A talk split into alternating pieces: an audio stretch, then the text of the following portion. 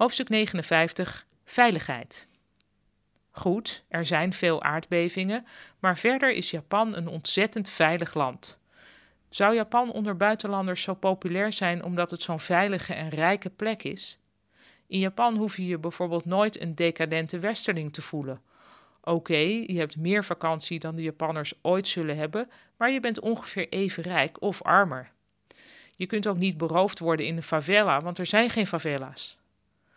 Lang geleden verdwaalde ik een keer s'avonds laat in een wijk van Tokio die ik niet kende. Vlakbij waren een paar dronken salarymen dingen naar elkaar aan het roepen. Niet het soort gezelschap dat je in Nederland makkelijk zou aanklampen voor hulp.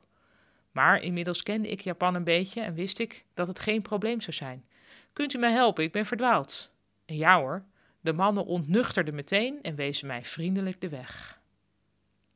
En hier heb ik nog een stukje over, over veiligheid. Veiligheid is big in Japan.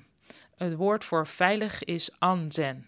Het karakter voor an bestaat uit de kanji voor vrouw onder een afdakje. Dat betekent zowel veilig als goedkoop. Leraren Japans grappen altijd over dit karakter. Als je de vrouw eenmaal in huis hebt, is ze goedkoop.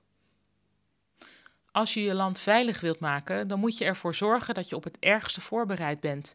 Maar wat is het ergste? Daar verschillen de meningen over.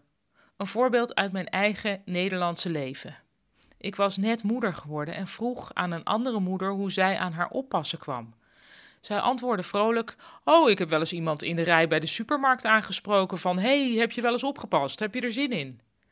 Ik vond dit niet zo'n goed idee en dat zag de andere moeder aan mijn gezicht. Dus zei ze: Wat is nou het ergste wat er kan gebeuren? Dat zo'n oppas niet in staat is je kind te troosten en dat je kind al een avond huilt.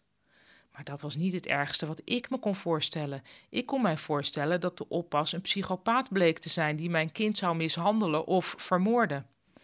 Gelukkig had ik de tegenwoordigheid van geest om dit soort angsten niet te delen. Het voelt gênant om zo bang te zijn voor wat er fout kan gaan. In Japan is die gêne er minder. Het lijkt alsof iedereen voortdurend rekening houdt met het allerergste scenario. Toen in 2019 in Utrecht Gugman T. in de tram om zich heen begon te schieten, was dat voor veel Japanners een reden om hun reis naar Nederland per direct te annuleren. En dan nog een terzijde, omdat Japanners voortdurend bezig zijn met gevaar, zijn ze ook bezig met alles op rolletjes te laten lopen, want voorspelbaar is veilig. De Shinkansen, dus de bullet train, de hogesnelheidstrein, vertrekt altijd op de seconde op tijd.